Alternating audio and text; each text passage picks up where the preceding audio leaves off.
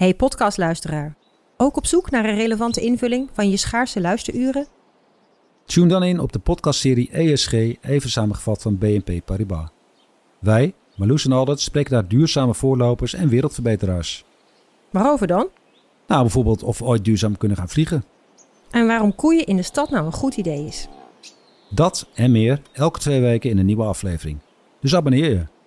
ESG, even samengevat. Vanaf de redactie van NRC het verhaal van vandaag. Mijn naam is Thomas Ruip.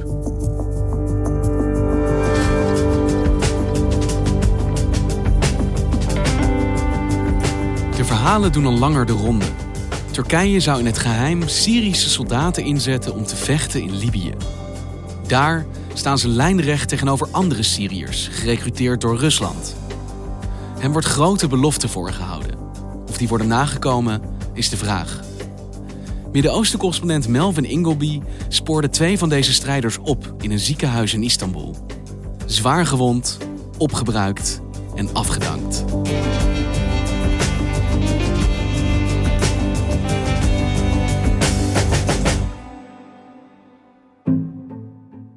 Ik kom aan bij een ziekenhuis in Istanbul vorige week. Het is ontzettend heet. Een Syrische man wacht voor mij voor de deur van het ziekenhuis en neemt me mee naar binnen.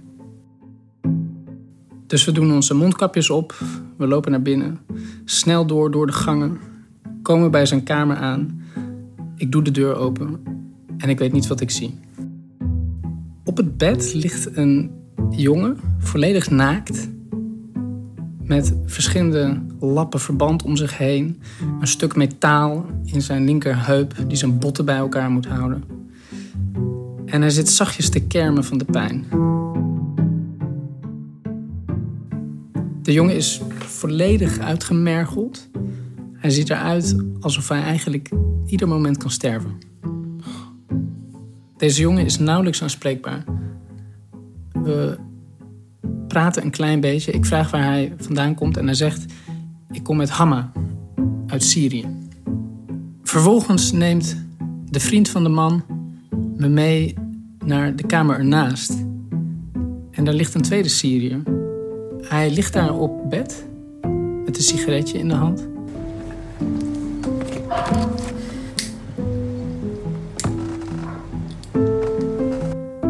En ook zijn lichaam laat de sporen zien van zware verwondingen. De man is meerdere maanden neergeschoten, maar hij is nog wel goed bij zinnen. Deze man is er beter aan toe dan de man in de kamer naast hem. Maar hij zegt dat de dokters eigenlijk nauwelijks naar hem omkijken. Het lijkt wel alsof deze twee Syriërs vergeten zijn op deze afdeling van het ziekenhuis. En het is ook niet de bedoeling dat ik daar ben. Waarom niet? Omdat Turkije niet wil dat met deze mensen gesproken wordt. Want ze willen niet dat de wereld weet dat zij worden ingezet om voor Turkije te vechten in Libië. Dus zodra ik doorhad dat we klaar waren, heb ik ook tegen mijn vertaler, die via een telefoon meesprak, gezegd: I think to avoid any kind of problems if there is people in the hospital coming to see what we're doing, um, you know, we can end the interview because I have the feeling people may be coming at some point. Laten we gaan. En wat deed jij daar, Melvin, op deze afdeling met deze gewonde Syrische mannen in Turkije? Ja, daarvoor moeten we een tijdje terug. In Libië is na de val van Gaddafi in 2011 een burgeroorlog uitgebroken. En al snel werd het land een totale chaos ingetrokken, waarbij verschillende milities elkaar te lijf gingen. En één man, Khalifa Haftar, rees daaruit op als de nieuwe aspirant alleenheerser. In Libië dreigt een gevecht los te barsten om de hoofdstad Tripoli. De machtige krijgsheer Haftar is de stad tot op 100 kilometer genaderd. De Libische hoofdstad is omsingeld door de troepen van krijgsheer Haftar en een bloedbad dreigt. Libya's UN-backed government has accused military strongman Khalifa Haftar of trying to stage another coup. Dus hij probeert de internationaal erkende regering in Tripoli te verslaan en Tripoli in te nemen. Dus je hebt in Libië eigenlijk twee machtsblokken. Je hebt een internationaal erkende regering en deze Haftar dus. En die strijden allebei aan de claim dat het hun Libië is. Inderdaad. Alle partijen in Libië hebben internationale bondgenoten. De GNA die wordt gesteund door Turkije, door Qatar, in zekere zin door Italië. En Haftar die krijgt steun van de Emiraten, van Egypte, van Frankrijk en van Rusland. En waarom mengen al deze landen zich in die strijd? Wat hebben ze te zoeken in Libië? Olie. Zo simpel is het eigenlijk. Zo simpel is het. Turkije heeft partij gekozen voor de internationaal erkende regering tegen Haftar. En Turkije zegt dat had eigenlijk iedereen moeten doen. Want het is immers de internationaal erkende regering. Turkey's President Tayyip Erdogan has said he will not refrain from teaching a lesson to Libyan commander Khalifa Haftar if his forces continue attacks against Libya's internationally recognized government in Tripoli. Ülkenin meşru yönetimine ve Libya'daki kardeşlerimize saldırılarını sürdürmesi halinde darbeci Hafter'e hak ettiği dersi vermekten de asla geri durmayacağız. En hoe ziet die interventie van Turkije eruit? Wat doen zij dan precies in Libië? Turkije heeft een probleem. Dit verre buitenlands avontuur doet het niet heel goed bij de eigen kiezer. Maar Turkije voerde meerdere militaire operaties in Syrië uit en maakte daar altijd gebruik van Syrische strijders die voorheen tegen het Assad-regime vochten, maar nu door Turkije zijn geherorganiseerd in een soort nieuw Syrisch oppositieleger. Dus om te voorkomen dat er binnenkort Turkse doodskisten worden teruggevlogen vanuit het Libische slagveld, maakt het Turkse leger gebruik van Syrische huurlingen. Ze zoeken dus mensen uit Syrië, dus niet Turken, om daar hun oorlog uit te vechten. Inderdaad. En hoe gaat dat in zijn werk dan? Hoe werft Turkije deze Syrische mannen om voor hen te laten vechten? Ja, dat is precies wat ik deze mannen in dit ziekenhuis gevraagd heb. Maar omdat mijn bronnen bang zijn dat ze gevaar kunnen lopen doordat ze met me spreken, hebben we hun stemmen vervormd. Could he tell me a little bit more about himself and his background as a fighter for the Syrian revolution? Was the, you know, when he went to Libya, was that the first time? لا لا أنا كنت مقاتل ولكن ضد النظام Ze zeiden dat hun bevelhebbers van de Sultan Murad Brigade, dus dat is een van die vele milities die met Turkije samenvechten in Syrië, op een dag in januari bij hen op bezoek kwam en zei: Ik heb een voorstel voor jullie. Ga naar Libië met de Turken en verdien 2000 dollar per maand. Als je gewond raakt, krijg je 35.000 dollar in compensatie. En als je doodgaat, krijgt je hele familie Turks burgerschap. Dat is een onweerstaanbaar aanbod voor mensen die daar in grote armoede leven.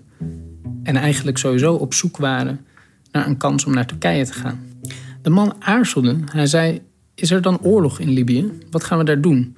En zijn bevelhebber zei: Nee, maak je geen zorgen. Jullie worden alleen ingezet om olieinstallaties te verdedigen voor de Turken. Dus hij dacht: Jalla, we gaan.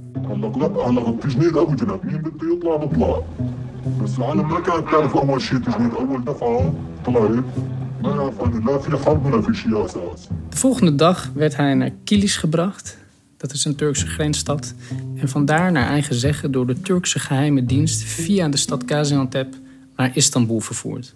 Op een vliegtuig gezet en naar Libië gebracht. Hij kwam daar 9 januari vroeg in de ochtend aan, maar het welkom viel tegen. De strijders werden een dag lang vastgehouden in een verlaten loods zonder eten en drinken. Mobiele telefoons werden afgenomen en moesten de volgende dag naar hun slaap verblijven, maar mochten nog altijd niet de stad in of naar een winkel om wat eten te kopen. Want niemand mocht weten dat die Syriërs daar waren. Want de Syrische militieleiders en de Turken waren natuurlijk bang dat zou uitlekken wat echt de bedoeling was. Deze mannen gingen naar het front. En wie treffen ze daar aan? Wie zitten daar in die kampen? Die man in het ziekenhuis vertelde mij dat iedereen welkom was. Elke week kwamen nieuwe vliegtuigladingen vol Syriërs aan. Jong, oud. De man heeft zelfs kinderen van 16 en 17 jaar gezien. En net als hij hadden ze geen idee dat ze daar kwamen om naar het front te gaan. Maar dat zijn dus in feite kindsoldaten. In feite wel, ja. En wat wordt er ter plekke van deze mannen verwacht? Wat gaan ze doen? De man die ik sprak, die werd binnen een week naar het front in Tripoli gestuurd. Dus hij werd ingezet om de oprukkende troepen van Khalifa Haftar tegen te houden. Maar onder die troepen van Haftar waren eigenlijk ook heel weinig Libiërs. Dus de man heeft Mauritaniërs gezien, Soedanezen, Tjadiërs. Het hele Libische conflict zit vol met huurlingen uit heel Afrika. Dus het is eigenlijk een oorlog in Libië van huurlingen tegen huurlingen. Inderdaad. En de Syriërs die met Turkije meevechten, die hebben kans om andere Syriërs te ontmoeten die met de Russen meevechten. Dus in Libië is het nu Syriërs tegen Syriërs. Dus ze komen hun eigen landgenoten tegen in Libië, aan de overzijde, aan de andere strijdende partij. Ja, want Rusland die heeft precies hetzelfde gedaan als Turkije. Die heeft duizenden Syriërs vanuit het regimegebied onder controle van de Syrische president Bashar al-Assad vanuit Syrië naar Libië gebracht. Dus daar strijden Syriërs uit het kamp van Assad tegen Syriërs die aan de kant van Turkije en de Syrische oppositie staan.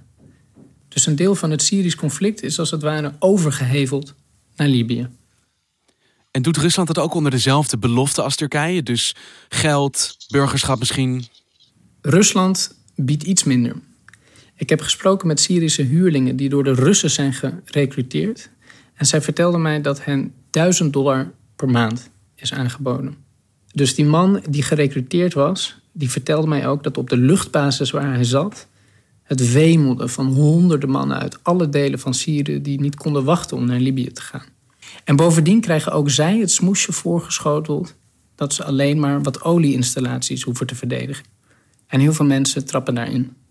Ik heb ook met een broer gesproken van een andere Syrische huurling die met de Russen meeging.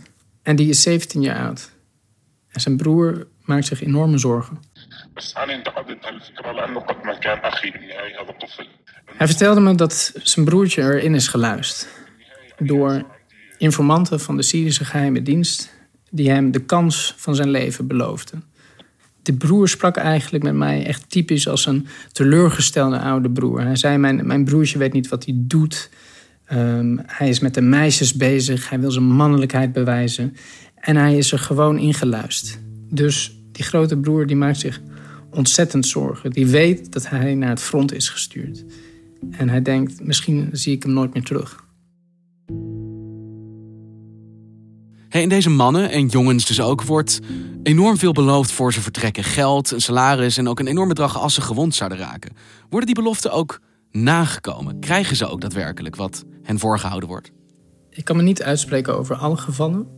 Maar de man die ik bijvoorbeeld in het ziekenhuis heb gesproken, zei dat hij in plaats van 2000 1500 dollar kreeg per maand. En dat hij sinds hij gewond is geraakt al vier maanden geen salaris heeft ontvangen. En al helemaal kan fluiten naar die 35.000 dollar compensatie die hem beloofd is.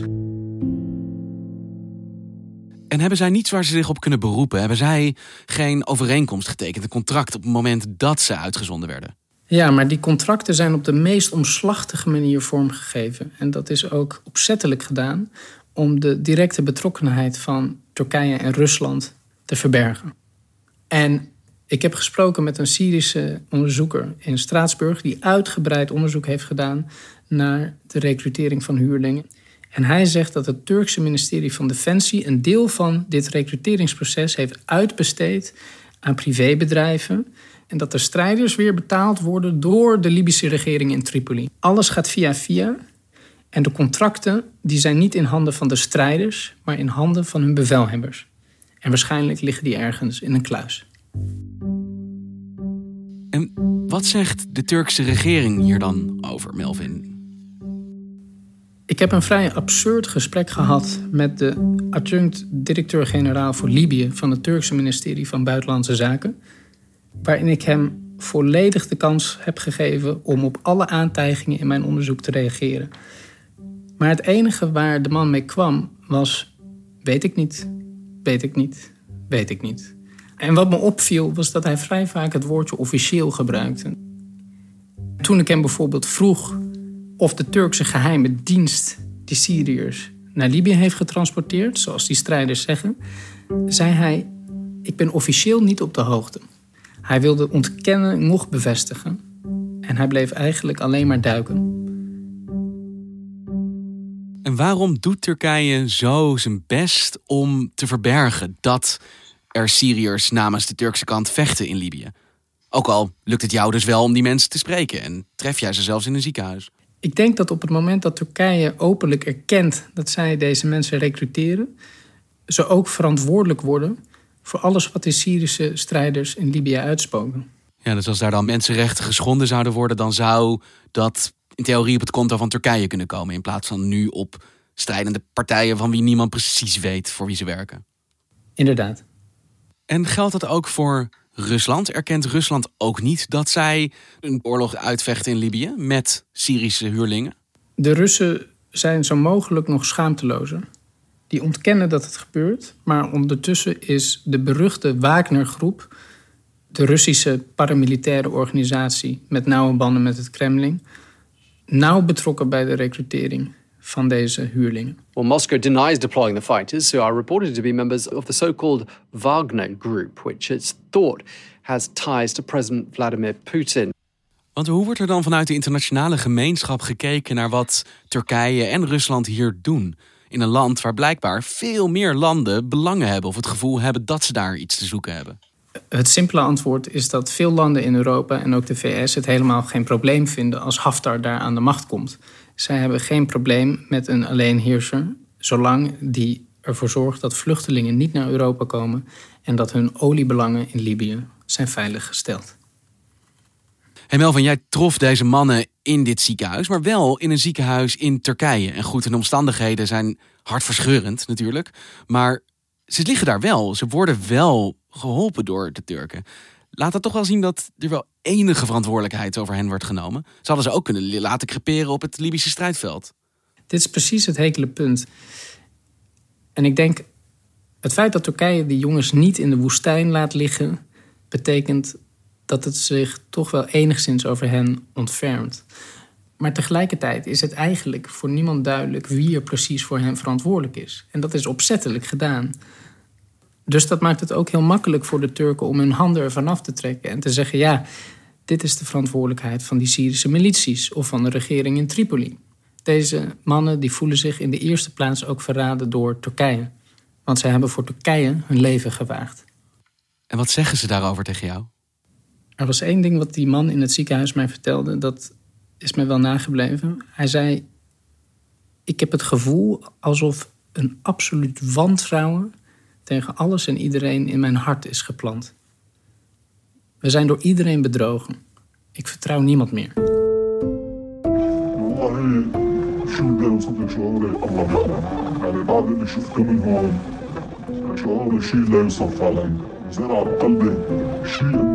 والله شو بدي اوصف لك شعوري الله بيعلم يعني بعد اللي شفته منهم شعوري شيء لا يوصف فعلا زرع بقلبي شيء انه خلص ما عاد في ثقة بالبشر هي خالص En wat staat deze twee mannen dan te wachten vanaf hier? Het liefst willen ze allebei terug naar Syrië. Maar de man met wie ik sprak zei dat hij eerst nog wel wil proberen om die compensatie van 35.000 dollar te krijgen. Dus hij probeert te bellen met zijn bevelhebbers, maar die doen eigenlijk net alsof hij niet bestaat. Iedereen trekt hun handen van deze mensen af. Want als de huurlingen eenmaal zijn opgebruikt, kunnen ze gewoon weer worden afgedankt. En die andere jongen, die naakt en uitgemergeld op zijn bed lag, die kon daar niet eens meer over nadenken. Vlak voordat ik weer uit het ziekenhuis vertrok en nog even zijn kamer binnenging om hem gedag te zeggen, lag hij te kronkelen van de pijn en klampte hij zich vast aan de rand van zijn bed. En het enige wat hij zei was: Ik wil terug naar Syrië. Ik wil terug naar Syrië. Ik wil terug naar Syrië.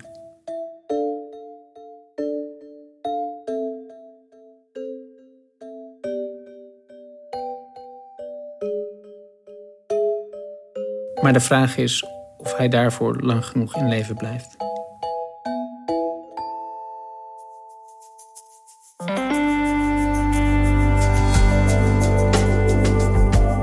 Je luistert naar vandaag, een podcast van NRC.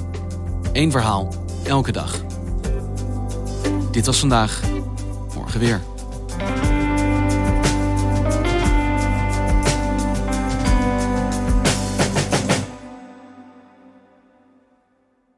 Technologie lijkt tegenwoordig het antwoord op iedere uitdaging. Bij PwC zien we dit anders. Als we de potentie van technologie willen benutten, kunnen we niet zonder een menselijk perspectief. Human-led, tech-powered noemen we dat. Ga naar pwc.nl.